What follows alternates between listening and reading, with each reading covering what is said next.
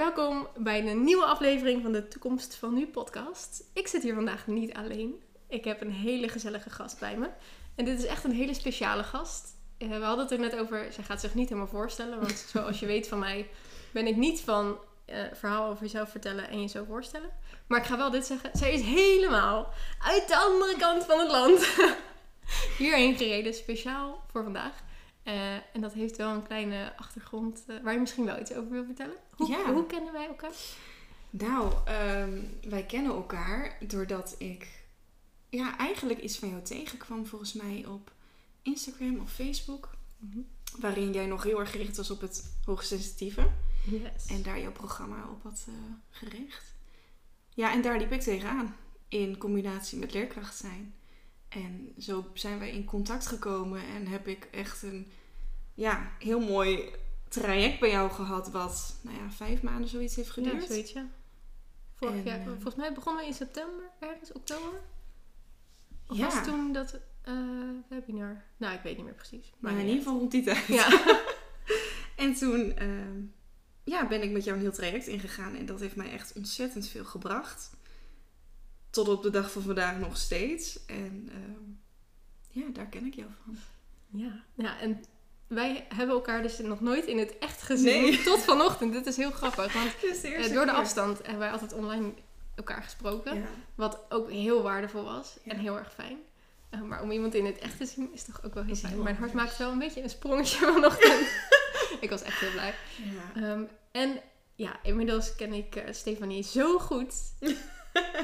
Door alles wat we samen hebben meegemaakt. En weet ik dat zij ook fantastisch veel weet over hoogbegaafdheid. En over kinderen coachen en over mensen zien zoals ze zijn. Dus ik wilde jou heel graag er vandaag bij hebben. ja, leuk. En we hadden net al een klein beetje een soort voorgesprek. Ja, wij beginnen gewoon te praten. Dan stopt het bijna niet meer. Nee. Eh, maar een van de dingen waar we het over hadden, ehm, dat was dat er zoveel mensen zijn in het onderwijs eh, die uiteindelijk het onderwijs uitgaan. Ja. En wat daar voor gedachte achter zit. eh, er zijn natuurlijk sowieso weinig mensen die aan de PABO beginnen. ja, ik hoorde ook dat het er steeds minder werden. Of nou ja, dat de aanmeldingen alweer Ja, een soort van gezakt waren.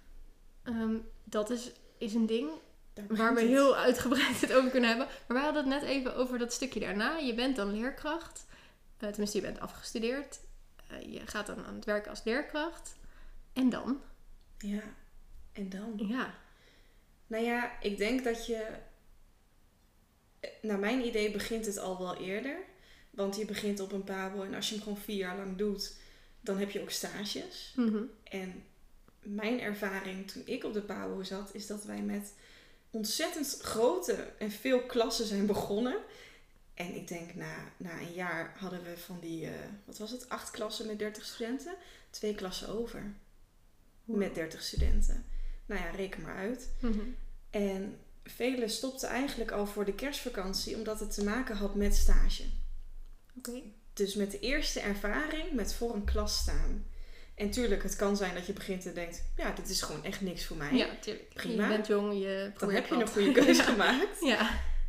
Maar toch hoorde ik ook vaak van, goh, er zijn veel eh, jongens gestopt. Mhm. Want die werden meteen bij de kleuters geplaatst waar ze niet wilden staan. Ehm, het klikte niet met een eh, mentor. Of ehm, het soort onderwijs waar ze in terecht waren gekomen paste niet. Waardoor zij meteen dachten, oké, het onderwijs is niks voor mij. Ja. Dus naar mijn idee begint het al wel eerder. En Mhm. de stroom die je dan uiteindelijk naar die vier over hebt, ja, die kiezen er wel heel bewust voor om dan waarschijnlijk ook het basisonderwijs in te gaan. Ja. Alhoewel ik er ook veel heb gezien die naar het voortgezet zijn gegaan. Mhm. Of door zijn gegaan. Ehm, maar ja, dan. Je bent, eh, zoals ze zeggen, startbekwaam. Ja. Als je van de Pabo afkomt. En na die vier jaar weet je ook niet alles. Nee, ik heb dus zo'n grafiek gezien. Ik weet dat ik dit ooit op de Pabo een keer heb gezien, maar ik kan die grafiek dus niet meer vinden. Echt irritant. Maar ik weet dat wij toen zo'n grafiek te zien kregen van zeg maar de eerste eh, drie jaar ontwikkel je je nog heel snel, zeg maar. Omdat dan eigenlijk alles nieuw is. Ja. En dan moet je dus van jezelf niet verwachten dat je alles in één keer goed ging. Zo, dat was de insteek van de grafiek laten zien. ja. Eh, dan heb je nog twee jaar dat het iets minder snel gaat. Maar dat je nog steeds eh, nieuwe ervaringen opdoet. Vaak gaan mensen ook zeg maar, binnen de eerste vijf jaar doen ze of nog wel een beetje dezelfde klasse. Maar daarna kiezen ze vaak voor iets anders. Ja, na die vijf jaar dan gaat het eigenlijk alleen maar naar beneden. Ik weet nog dat ik die grafiek zag en dat ik echt dacht, dit is met een hele goede intentie eh, aan mij laten zien. Zo van, verwacht niet te veel van je als je gelijk gaat beginnen. Maar ik dacht alleen maar, oké, dus als ik die drie jaar Er streep haal, toekomst.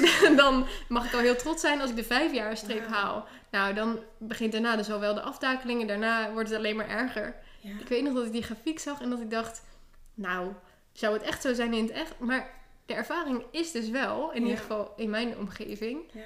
eh, dat er na die, zeg maar, om dat vijf jaar punt gebeurt er iets interessants. Nou ja, ik denk dat wij het allebei bij onszelf wel hebben gemerkt. Mhm. Maar we hadden het net ook al in onze omgeving. Eh, kijk, ik heb gewoon heel veel vrienden en kennissen uit het onderwijs. Ja. Ja, en ik ben nu... Ja, ik ga aankomend schooljaar mijn vijfde schooljaar in. En zij dus ook ongeveer. En ik zei al, ze zijn nu bezig met... Vind ik het nogal leuk? Ehm, dan heb je een, misschien weet ik veel, eerste drie jaar voor een bepaalde groep gestaan. Ja. Misschien ondertussen wel een keer geswitcht. Maar toch blijf je een beetje ondanks je voorkeur wel of niet, voor een bepaalde groep. Want ja, je doet het zo goed. Ja. En dan? En dan mis je misschien een soort... Ja, ik merk dat uit mijn omgeving komt dat ze een soort uitdaging missen. Of juist kennis op een bepaald vlak. Mhm. Je hoort veel nu de, de Master Educational Needs voorbij komen. Ja. Maar ook allerlei cursussen. Sommige gaan... ehm, ja, die in het voortgezet onderwijs werken. Weet ik veel, eerste, tweede graads. Je merkt toch inderdaad, na die vijf jaar... Ja. dat er een soort kanteling komt. Dan ga je iets veranderen. Er verandert iets. Ik heb die verandering iets te snel gemaakt dan eigenlijk. Ik volg die grafiek niet helemaal, maar wat nieuw. Ja. Ehm, ik herken dat punt wel. ja. Eh, als je natuurlijk net van de Pabo komt, dan ben je nog zo bijna overwhelmed door alles wat er van je gevraagd wordt. En door wat het is om leerkracht te zijn. ehm, wat er allemaal bij komt kijken. Maar ook door wie ben ik nou eigenlijk zelf echt als leerkracht. Want je bent natuurlijk heel mooi in dat hokje van leerkracht opgeleid. Ehm, maar je bent veel meer dan dat. En daar kom je dan wel achter in de praktijk. En dan ga je toch verder kijken naar maar wat maakt mij nu, wat, wat raakt mij nu, waar ga ik echt van aan. Ik heb het gevoel dat daar ook een beetje vandaan komt dat je dan na die drie tot vijf jaar, zeg maar, gaat kijken van, maar wat wil ik nu echt? En dan Ja. kan zo'n master bijvoorbeeld of zo'n specialisatie super interessant zijn. ja, echt een aanvulling vind ik Ja. het. En er is natuurlijk nu ook meer vanuit de overheid meer geld voor vrijgekomen. Mhm. Dus ik, ik merk ook dat dat ook meespeelt. Ehm, in de zin van er is gewoon geld van scholen en je mag iets. Ja, Maar wat jij zegt, ik, dat jij die kanteling, kanteling eerder hebt gemaakt. Ik ben ook wel van mening dat je de eerste drie jaar nog zo gericht bent op... Oké, ik ben van de Babel af. Ik moet nu mijn eigen groep draaien. Eén Ja. keer ervan uitgaan dat je fulltime voor een groep staat. Mhm. Dat eerste jaar... Nou ja, ik, ik weet niet hoe iedereen dat zomaar overleeft. Maar dat is echt met vallen en opstaan. En dan moet je gewoon echt een, een goed team om je heen hebben, vind ik Mhm. Die jou daar alsnog in begeleiden. Ja. En ik weet dat ik toen echt dacht, ja hallo, ik ben gewoon leerkracht nu en eh, dit kan ik wel. ja, Maar als ik achteraf terugkijk, denk ik, ja, maar die 10 minuten gesprekken, die heb ik nooit geoefend op de PABO hoor. nee. En eh, die handelingsplannen die ik moet schrijven, dat heb ik nooit geoefend. Die lessen, die gaf ik wel. En met kinderen omgaan, dat, Dat zit in je of niet. Anders had je het niet zo ver gehaald. Precies. Maar er komt zoveel meer bij kijken. En ik merkte pas na die drie jaar dat ik dacht, nu heb ik alles onder controle. Nu weet ik hoe ik alles moet doen. Ja, En als je op één school blijft, dan weet je waar je alles moet vinden. En, precies. En dan wordt het een beetje je comfortzone. Ik denk dat het daar ook mee te maken heeft. en na die drie jaar denk je, oké, nou, de lesgeven heb ik er onder de knie. Ja, Maar wat wil ik? ja, En misschien kom je wel zoals het eh, stukje hoogbegaafdheid tegen. Of het stukje autisme. Of heb je wel een kind in de klas die eh, met taal eh, iets achterloopt. Of richting dyslexie. Mhm. ja, het spreekt je aan of niet. En Ja. wat je aanspreekt, daar doe je wat mee. En ik merk inderdaad, en bij mezelf en in mijn omgeving, dat dat na die drie, vier jaar, dat dat zo, ja, eruit komt. En dan moet je ook nog de beslissing maken, hè. Mhm.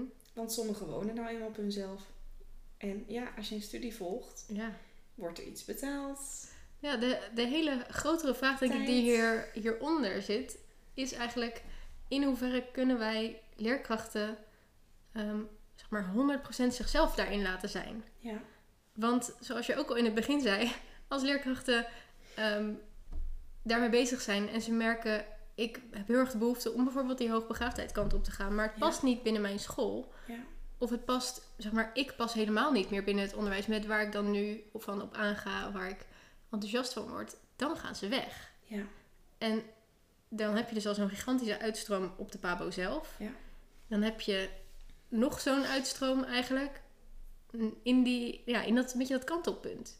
Ja. Dus ja, en waar dat dan precies in zit, dat is natuurlijk altijd persoonsgebonden.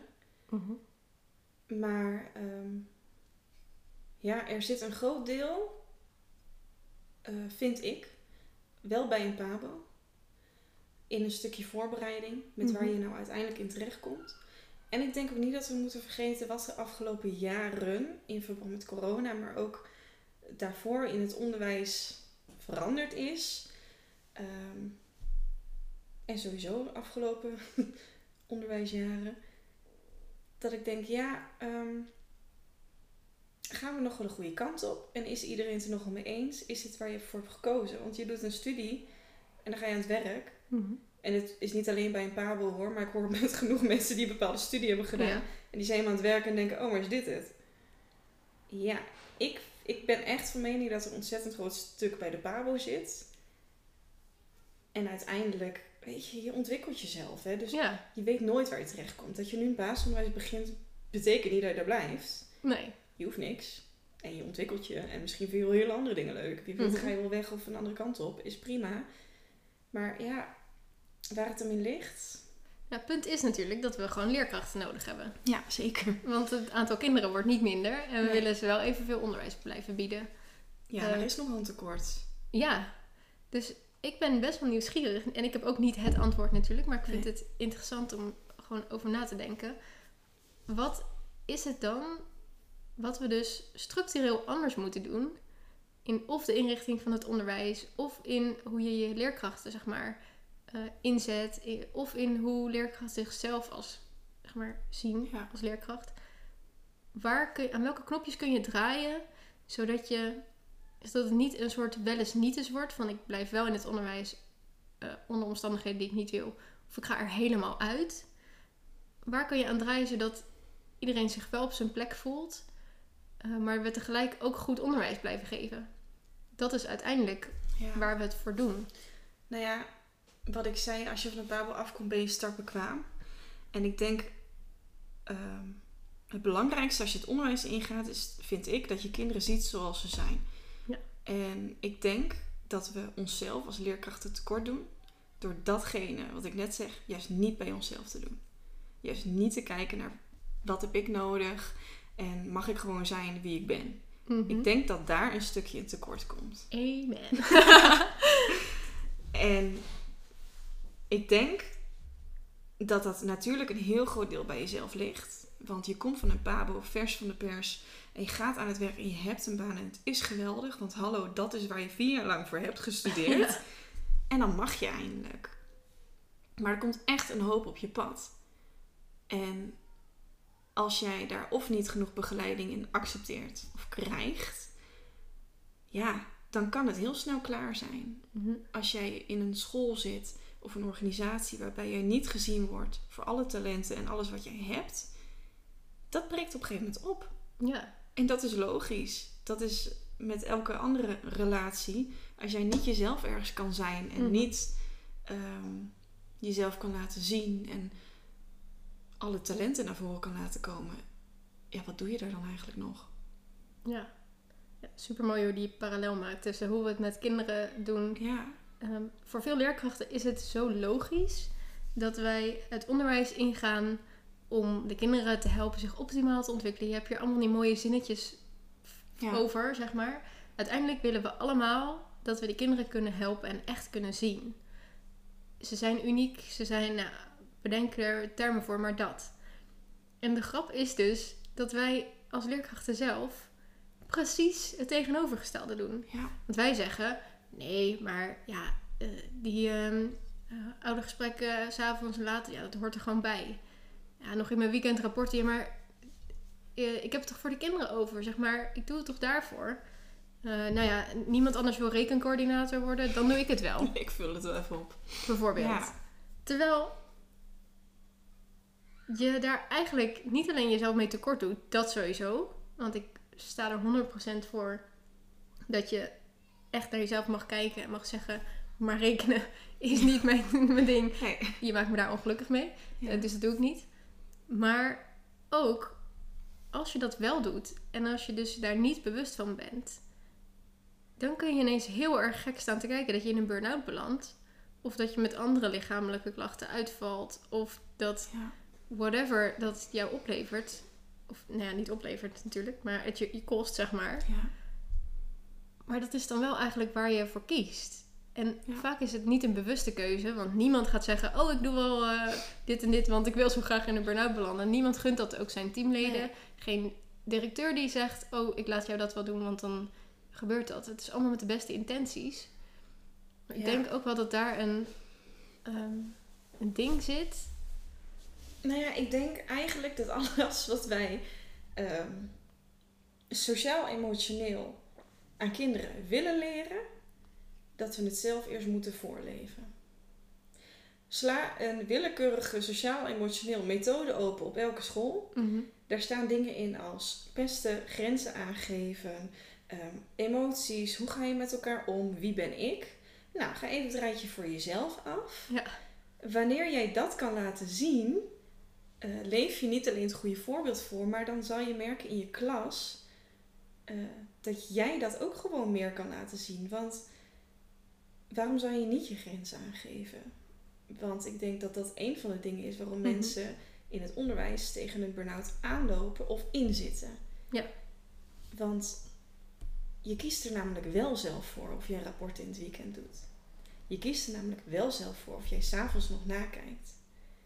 Want op het moment dat jij denkt, half vijf is officieel de tijd dat ik klaar ben. Oké, vijf uur, prima. Ja. Maar je gaat niet tot zeven uur zitten. En waarom niet? Nou, je hebt ook nog een eigen leven. Mhm. Ehm, En juist die keuze is dus zo, voor heel veel is- mensen zo vind- moeilijk om te en ik maken. vind het wel echt een keuze. Omdat Ja. ik dit zelf ook heb meegemaakt. Ja, wat is jouw ervaring daarin? Nou ja, als startend leerkracht, je gaat maar door. Want je, tenminste, dat zit dan in mij, je wil het zo goed mogelijk doen. Ja. Je wil jezelf laten zien. ehm, maar je vindt het ook leuk. Mhm. En je gaat door en je gaat door totdat het je opbreekt. En dat merk je vaak pas te laat. Ja.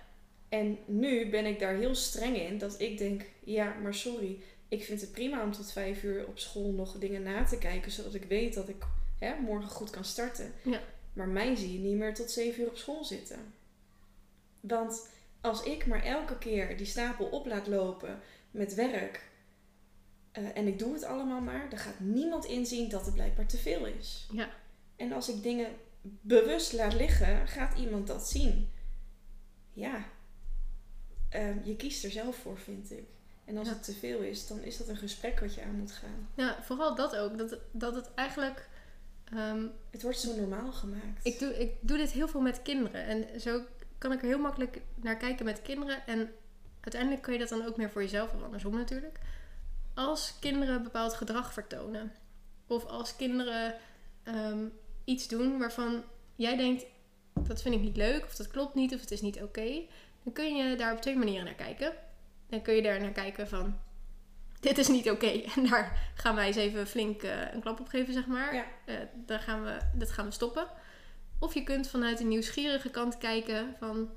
Oké, ehm, maar hoe komt dit? Wat zit erachter? Want Ja. achter elk gedrag, dat hoef ik jou niet te vertellen, dat weet je als geen ander.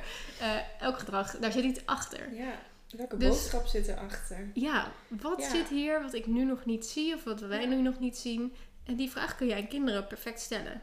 Nou ja, het is eigenlijk een kwestie van kijk je binnen of buiten de kaders. Ja, Kijk je binnen de kaders met wat je hebt geleerd over als een kind dit doet, dan betekent dat zogenaamd dat. Of ga je kijken inderdaad vanuit jouw nieuwsgierigheid, omdat je echt naar het kind wil kijken. Want Jantje is niet hetzelfde als Pietje namelijk. Nee. Ehm, en ga je in gesprek met wat er nou echt aan de hand is. ja, dit is echt het verschil tussen kijken naar kinderen en kinderen zien. Ja. Dus je kunt ja, kijken naar kinderen en dan kun je nou ja, je handboek erbij houden van eh, bepaalde gedragingen, bepaalde dingen die dan ehm, op een bepaalde manier gaan en wat je daar dan mee moet. Een soort stappenplan. Van als dit, dan dat. Dat is kijken naar kinderen. Kinderen echt zien, dat is niet alleen ze waarnemen, maar ook nieuwsgierig zijn naar, hmm, wat zit hierachter? En dat gesprek aangaan. En wat we dat met kinderen, waar we dat al steeds meer doen, want dat vind ik een fantastische ontwikkeling nu al in het onderwijs, daar word ik helemaal blij van. Maar we vergeten die ontwikkeling een beetje met onszelf mee te nemen. Ja. Dus eh, tot zeven uur nakijken is slecht en moet je niet doen. Kun je zien als een gewoonte die je wil afleren. En dan ga je tegen jezelf zeggen: dat moet ik niet doen, want dat is niet leuk en daar word ik niet blij van. Punt. Dan ben je daar aan het kijken naar jezelf. Of je kunt jezelf daarin zien en je kunt nieuwsgierig zijn van hmm, waarom doe ik dat? Wat levert het me op? Ehm, ik heb dat geleerd als de positieve intentie die erachter zit. Het is bij kinderen dus zo van als ze uh, bijvoorbeeld heel hard schreeuwen door de klas, dan zit daar een positieve intentie achter, want ze, ze willen er iets positiefs mee bereiken. Ja. Alleen de manier waarop ze het aanpakken is niet handig. Wat is jouw eigen positieve intentie daarachter? Alles wat je doet heeft een reden. Ja. Je gaat daar niet zitten gewoon voor het zitten, want je Nee. bent daar met iets bezig. En door dat eerst voor jezelf te bekijken, maar zeker ook die vragen hardop te stellen en dat gesprek aan te gaan, ga je ten eerste zien dat je niet de enige bent. Want dat denken we vaak wel. Maar dat is sowieso niet waar. Want Ja. je bent niet de enige die, die daar zo naar kijkt. Of die daar tegenaan loopt. En dat geeft ook de ruimte om naar oplossingen te kijken. Niet alleen in jouzelf. Want er zit dus echt een heel stuk in jezelf. Daar ben ik het helemaal mee eens. Het is jouw keuze ja. uiteindelijk. Maar je hoeft niet alles wat van jou is zelf op te lossen. Nee, het is ergens inderdaad op gebaseerd wat jij zegt. Hè? Het, je doet het met een bepaalde intentie. En wat ik dus eigenlijk afgelopen jaar heel, be- heel bewust ben gaan doen, is ehm, dat als ik zie kwart voor vijf op de klok, oké, wat wil ik nu eigenlijk nog doen?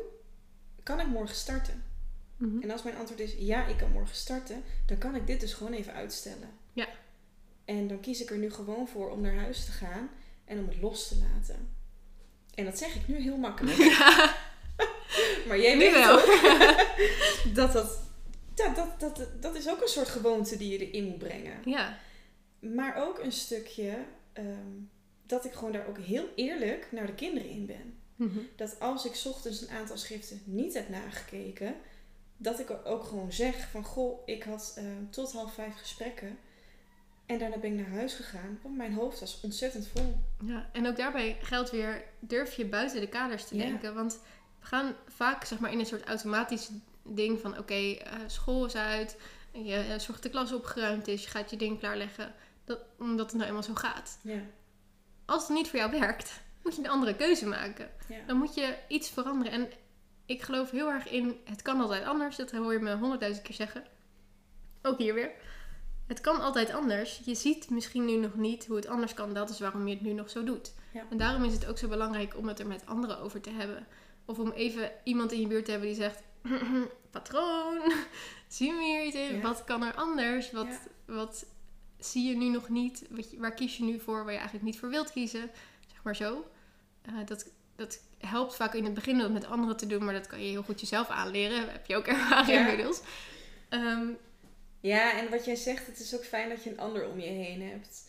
Ehm, het is altijd fijn dat je een collega hebt die weet van jou, ik zit altijd tot laat, dus die dan gewoon een half uur van tevoren zegt, kom, zet de wekker op 10 minuten, maak dat af en dan gaan we.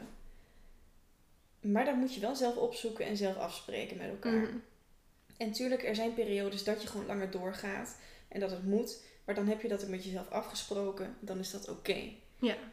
Maar daartegenover zet ik dan weer dat als ik de hele week even tot half zes op school zit, want het moet even, Mhm. dat ik de week erop ook gewoon vaak genoeg zeg om half vier adios. Ja. En dan heb ik gewoon ook een team om me heen die dat ook gewoon accepteren en die dat Mhm. ook gewoon doen. Ja, en dat is denk ik ook welke standaard jij zelf neerzet. Precies. Want wij denken ook heel vaak, en dat kan ik ook heel erg goed uit mijn eigen ervaring delen, dat ik dan denk, ja, maar wat vinden anderen daar dan van? ja, Of, eh, nou, dat, dat kan toch niet, zeg maar. Daar vinden ze vast iets van. En juist als je dat gaat doen, gaan anderen daar iets van vinden. Maar dan gaan ze zeggen, dat is een goed idee, dat wil ik Ja. eigenlijk ook doen. Echt 9 van de 10 gevallen gaat het gewoon zo. Ik En die ene keer dat het niet zo gaat, dan zeg je, joh, dit is mijn proces. Zoek het lekker zelf uit. Een eh, oud collega van mij die had een hele mooie, ehm, ja, die had een heel mooi boek. Dat heet Nooit meer te druk. En dat gaat eigenlijk over iemand in het zakenleven die, eh, nou, even een aantal soort tips gaat geven. op een heel. Ja, ik vond het. Normaal heb je van die boeken dat je denkt: ja, mhm, oké, Ja, dit wordt me Leuke even opgedragen tips. om zo te doen, maar dit gaat niet werken. leuk in theorie, maar ja, de praktijk... en dit eh, ging heel soepel dat ik dacht: oh, dit zijn echt dingen die je af en toe zo in kan brengen. En een van die dingen was: zeg een teamvergadering af zonder reden. En dat had zij afgesproken met de directie. Ja. Ik heb een opdracht voor mezelf. Ik ga een teamvergadering afzeggen zonder reden. En dan puur ook om te kijken, wat gebeurt er met jezelf? Want ze zat Mhm. gewoon op school. Ze was er gewoon. Ja. Maar ze was gewoon aan het werk. En wat gebeurt er bij het team? En het was gewoon, oké, ja, ze is er niet. Nou, dan zal er wel een reden voor zijn. Ja. Dan is dat oké. En wij praten vind hier later wel bij als het nodig is. En dat gaat ook, want met haar had ik heel goed eh, contact en een hele goede klik. En ook in de zin van, als je er tot vijf uur nog zit, nou kom op, spullen pakken en we gaan. Ehm, dus dat is heel fijn als je zo iemand hebt. mhm. Maar dat boek, dat is echt, als je het ervaart van, goh, poeh, eh, dingen worden me te veel en ik moet even stapjes terugnemen, is dat ook echt een hele mooie om mee te beginnen.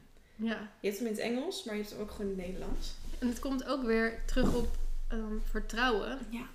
Kun jij op jezelf, zeg maar, vertrouwen dat als jij zo'n keuze maakt, of als je daarvoor wil gaan, dat je ook die afspraak met jezelf nakomt? Want hoe verleidelijk is het om dit met jezelf af te spreken en dan een puntje bij paaltje denken: oh, maar dit is wel echt heel belangrijk, dit, Ja. dit kan ik niet. En ook het vertrouwen onderling in je team. Dus wat jij zegt, nou ja, ze is er niet, maar ze zal wel een goede reden hebben. Hoe essentieel is het Ja. dat jouw team zo reageert in plaats van, nou, dus ook gek dat ze er niet is. Nou, ik hoorde pas de laatste. Zeg maar Ja. dat er ja, er moet wel een soort veiligheid ding, zijn. Ja, die basisveiligheid en die basisvertrouwen moet er zijn. Als je terugdenkt aan jouw eerste twee jaren. Ik kon het niet loslaten. Ik kon dingen Nee. niet. Ik moest overal bij zijn en ik moest alles perfect op orde hebben. Mhm. Niet alleen voor de kinderen, maar ook voor mezelf. Dat ik dacht, ik kan nu met een gerust hart naar huis gaan. Als ik morgen ziek ben en er moet een invaller komen, dan Ja. kan die zo beginnen. Dat was elke keer mijn gedachte. Mhm. En nu denk ik, nou ja, als er morgen een invaller is, die redt zich wel. Want Ja. ik heb namelijk ontzettend veel goede collega's die zo iemand wel weghelpen. En ik weet dat mijn klas dit gewoon aan kan. Maar dat dacht ik de eerste twee jaar Nee. niet. Ondanks mijn collega's aan de klas. Ja, dus Ik weet zit... niet hoe jij dat hebt gehad. Ja, ik heb dat ook heel erg gehad. Ik heb dat heel lang gehad. Sowieso begon ik zeg maar wel, maar had ik toen nog niet echt het vertrouwen dat ik leerkracht kon zijn. Eh, dat kwam echt, nou, er is denk ik echt wel anderhalf jaar of zo overheen gegaan.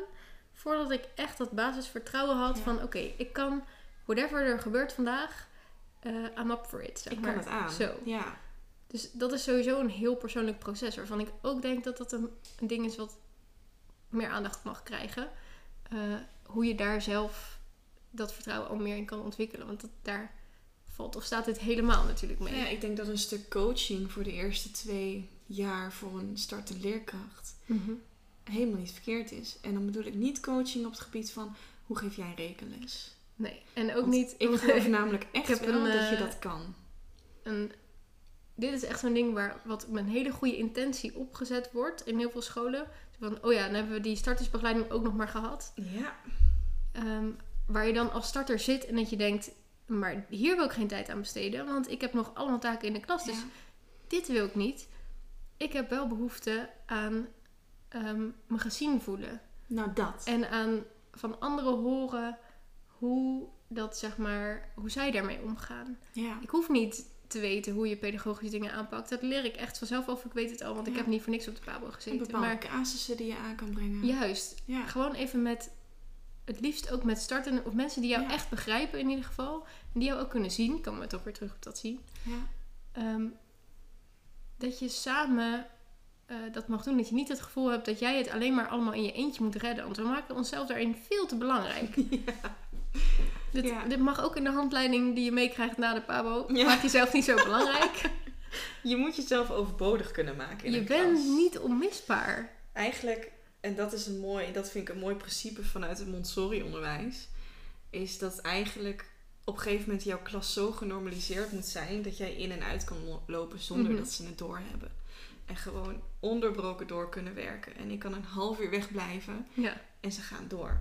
En tuurlijk zal wel iemand opmerken dat je weg bent. Natuurlijk. Maar omdat jij een onderdeel bent van de groep. Precies. En niet omdat ze denken, help. En dat je ook weer terug kan komen en dat dat oké is. En dat is eigenlijk wel wat jij net zei. Ik heb bij mijn, in mijn Leo-jaar was dat volgens mij. Dus het laatste jaar van de Pabo hadden wij best wel veel studenten op school. En toen hadden wij ook om de zoveel paar weken met elkaar van oké, maar hoe gaat het nu? En, nou ja, we hadden eerst tweede, derde en vierdejaars. Dus je hebt van alles door elkaar. Wat hartstikke leuk is. Want je leert echt veel van elkaar. Ook casussen aanbrengen. En dan ging het ook niet per se om van... Nou, hoe ging jouw rekenles die jij vorige week hebt gegeven? Nee. Hoe ging dat lesje met dat materiaal? Dan ging het gewoon puur om hoe sta je er nu in? Wat heb je nodig? En ehm, als je het wel nodig hebt dat iemand met je meekijkt... Leuk, prima. Ja, zeg maar wanneer. Dus wij gingen als stagiaires bij elkaar ook vaak kijken Ja. wat ik daarin daarna gemist heb, is toen ik eenmaal aan het werk was. En dat was, ik viel onder een bepaalde stichting. Daar werd echt wel iemand aangesteld van, goh, ik ben er voor start- en leerkrachten. eh, die komt op afspraak. Dat werkte bij mij sowieso al niet. Nee. Want toen dacht ik, ja, nou ja, dat. En het komt helemaal niet uit. En Nee. eh, jij komt bij mij een les beoordelen. Waarom? Dat. Ja. Maar in plaats van dat ze dan gaan zitten op wat jij zegt van je wordt gezien en hoe gaat het nou echt met jou, red je het allemaal, werd er eerst gezeten op eh, hoe gaan je lessen. Ja. En dan gaat het in mijn hoofd dat ik denk, hoezo? Geef ik mijn lessen niet goed dan? ja, en dan gaat het een soort negatieve spiraal Precies. worden. Dat ik denk, maar waarom ben jij daar dan voor? Daar heb ik toch een directie voor? Daar heb ik toch collega's voor? Dat, ga, dat ging er bij mij niet in. En op een gegeven moment heb ik zelf bij haar aangekaart. Het is te veel. Het werkt niet. Ehm, en daar werd niks mee gedaan. En sindsdien had ik dus die ervaring van... Oké, ik kan wel aan de bel trekken. Maar er wordt niks mee gedaan. Nee. En dat lag niet bij mijn eigen directie. Maar dat lag dus hogerop. Mhm. En ik denk dat daar een stuk, wat ik zeg, die begeleiding, als je de eerste twee jaar gewoon iemand hebt die jou twee jaar lang begeleidt met inderdaad anders startende leerkrachten, weet ik veel, van verschillende scholen. Je komt om de zoveel tijd verplicht eigenlijk bij elkaar. Hoe mooi. Ja. Eigenlijk is dat toch gewoon een heel coachingstraject wat je met elkaar ja, aangaat. dit is dus eigenlijk precies waar, hoe ik de kring nu ingestoken heb. Dat is heel grappig. maar Dit het is, wel ook, nodig. is ook zo ontstaan eigenlijk. Vanuit die behoefte ehm, om dus niet inhoudelijk op allemaal dingen in te gaan, Ja. want daar gaat het niet om. Nee. Daar heb je genoeg instanties, collega's, mensen voor die je daarmee kunnen helpen. Maar die bij elkaar kunnen komen, eh, gewoon één keer in de maand, zodat je een beetje je structuur hebt. Ja. En dat je ook jezelf daar accountable voor kan maken. Want anders, hoe makkelijk is het om te denken, nou, ik doe het nu een keertje niet. Ja. Ehm, en om dan met elkaar gewoon echt elkaar te zien. Ja. En die ruimte te geven. En iedereen, maakt niet uit waar je uit het onderwijs vandaan komt of waar je precies staat. Iedereen, door alleen maar naar elkaar te luisteren en met elkaar mee te denken, gebeurt er al zoveel Ja. bij mensen. Dit is echt ongelooflijk. ja. Dus nou ja, vandaar eigenlijk dat die, dat die kring ook zo ingezet is. Eerst even bij jezelf inchecken, want dat vergeten we sowieso. Dus lekker even landen, zeg maar. En dan Ja. kort, niet heel uitgebreid en moeilijk en eh, niks zwaars, maar wel even elkaar zien en er even voor elkaar zijn, zodat je weer verder kan. Ja, en ik weet dat er bij ons in de buurt ehm, een aantal initiatieven zijn. Ehm, en dat is mooi dat het initiatief er is. Alleen het nadelige ervan vind ik dat zulke dingen ehm, op zo'n tijd altijd vallen dat het niet onder je werktijd kan of handig is. Dat is te regelen. Daarbij is het vaak maar een uurtje en zit je Ja. daar met 20, 30 start- en leerkrachten. Dat is heel gezellig om lekker met elkaar te kletsen. Ja, Maar inhoudelijk ga je dus nergens op in. nee, Dus je je weet, ah, elkaar met jou? En je leert elkaar kennen, want die dertigste die heb ik de vorige keer niet gezien. Ja, En diegene die daar stond de vorige keer, die heb ik ook niet gesproken. En misschien heb je daar ook niet altijd zin in. nee. Weet je, de mensen die het willen, die zoeken elkaar wel op. Dus het initiatief dat je met elkaar in contact kan komen is heel prettig. Maar ik denk dat er meerwaarde van zou zijn dat je echt iemand als soort coach hebt die ook gewoon... Nou, maar als je wel tegen dingen in de klas aanloopt, die echt komt meekijken. Gewoon voor jou. Mhm. Niet voor dat kind, gewoon Nee, voor jou. Dat mag ook. Dat mag ook namelijk. Dat En is ik denk eigenlijk dat nog het essentiëler. Ja, want, Want je kunt pas een goede leerkracht zijn voor dat kind. Als je eerst goed voor Ja. jezelf... Dit is zo cliché, maar dit is zo waar. ja, maar is wel zo. En dat merkte ik dus ook, dat na die eerste twee, drie jaar. Nou, eigenlijk ben ik toen pas echt mezelf geworden voor de klas.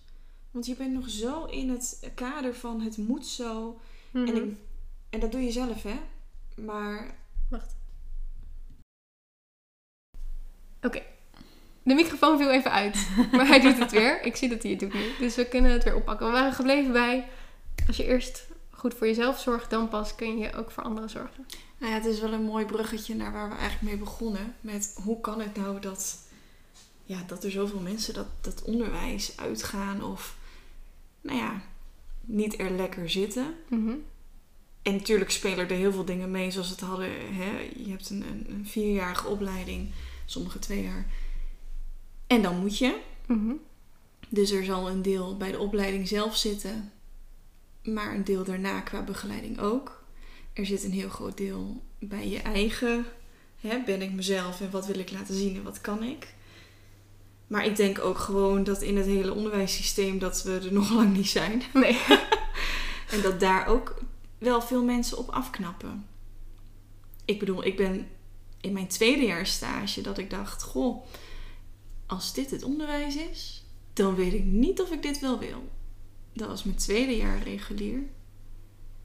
En toen ben ik zelf op zoek gegaan naar: Goh, maar wat past dan wel bij mij? En zo kwam ik Ja. in het Montessori-onderwijs terecht. Maar dat is dan wel iets wat ik dan zelf heb onderzocht. En ik Ja. ben wel van mening. Ja, en dat- even los van of het uiteindelijk dus een vernieuwende school wordt of wat het dan ook Ja. wordt. Het begint dus al bij naar jezelf kijken en jezelf die ruimte mij. geven om verder te mogen kijken dan waar weet je, je, standaard in komt. dat was voor mij belangrijk. Ja, En dat betekent niet dat, eh, dat, dat het hele re- reguliere onderwijs van geen kant klopt. Dat, Nee. dat zeg ik niet.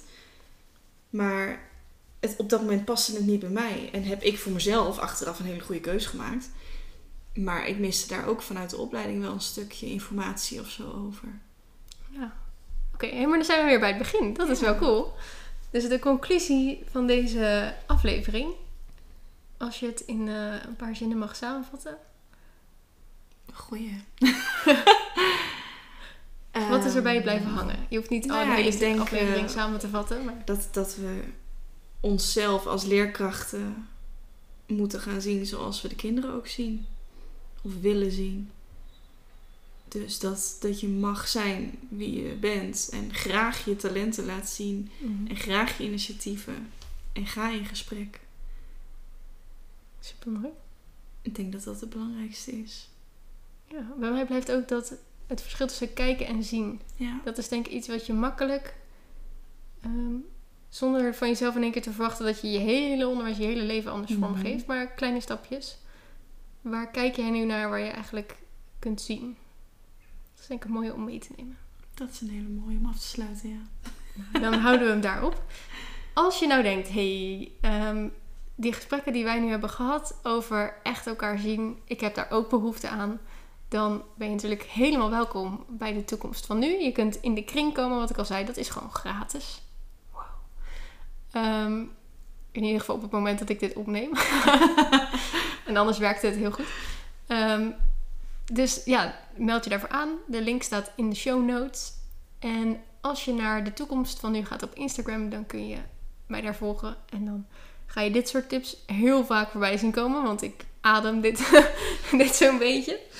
Eh, en ja, wie weet eh, zie ik je ook wel in een coachtraject. Waar ik Stefanie ook heb leren kennen. Dat is fantastisch. Ja, zeker een aanrader. Dat eh, is echt een verrijking geweest. doen wij allebei, deden wij allebei in ieder geval met heel veel liefde. Ja. Dus op naar meer jezelf zien. En tot de volgende. Bye!